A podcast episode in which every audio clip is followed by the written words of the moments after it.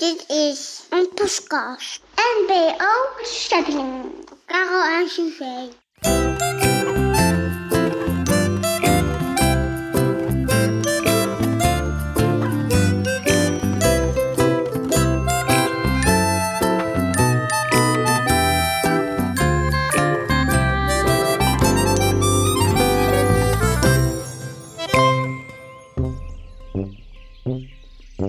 Bruno de bruine beer zat op een omgevallen boom.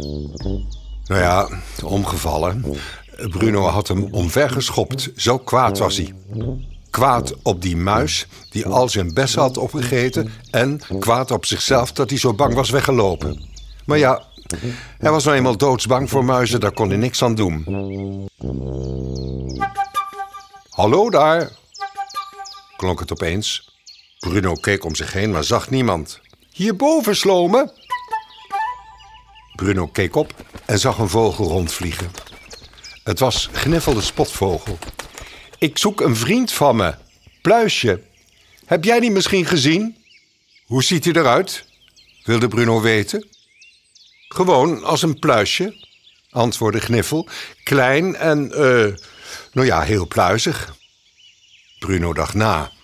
Ja, ja, pluizig en klein dus. Je bedoelt toevallig geen muis, hè? Nee, riep Gniffel. Pluis, zeg ik toch, heb je poep in je oren? Maar Bruno reageerde niet. Hij dacht na. Klein en pluizig, dat betekende dat die bessendief van vanmorgen... Hij sprong op en riep kwaad. Het was helemaal geen muis!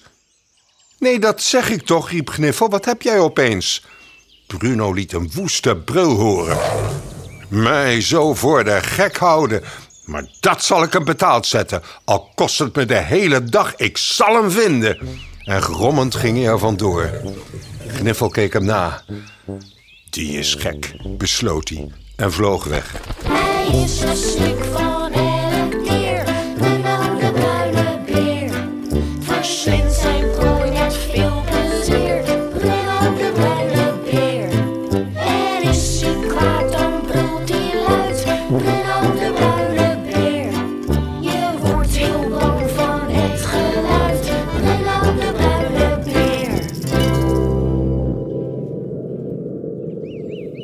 Iets later zat Pluisje nog steeds aan de rand van de open plek.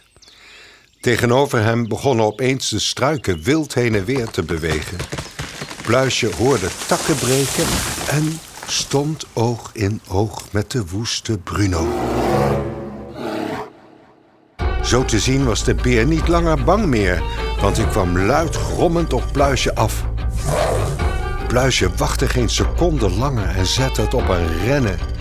Hij rende zo hard als hij kon, maar Bruno kwam snel dichterbij.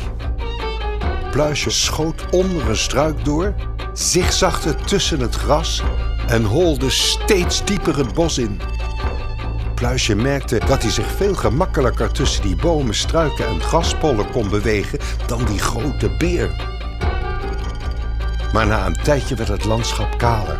Er waren steeds minder struiken en planten, totdat Pluisje alleen nog maar over rotsen holde.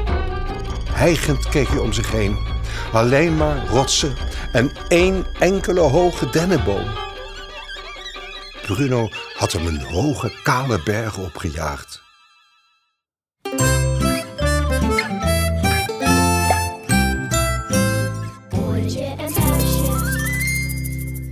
En Bruno, die zat aan de voet van de berg omhoog te kijken. Hij was veel te log en te groot om de berg te beklimmen. Er zat niets anders op dan de wacht te houden. Bruno ging liggen en wachtte af.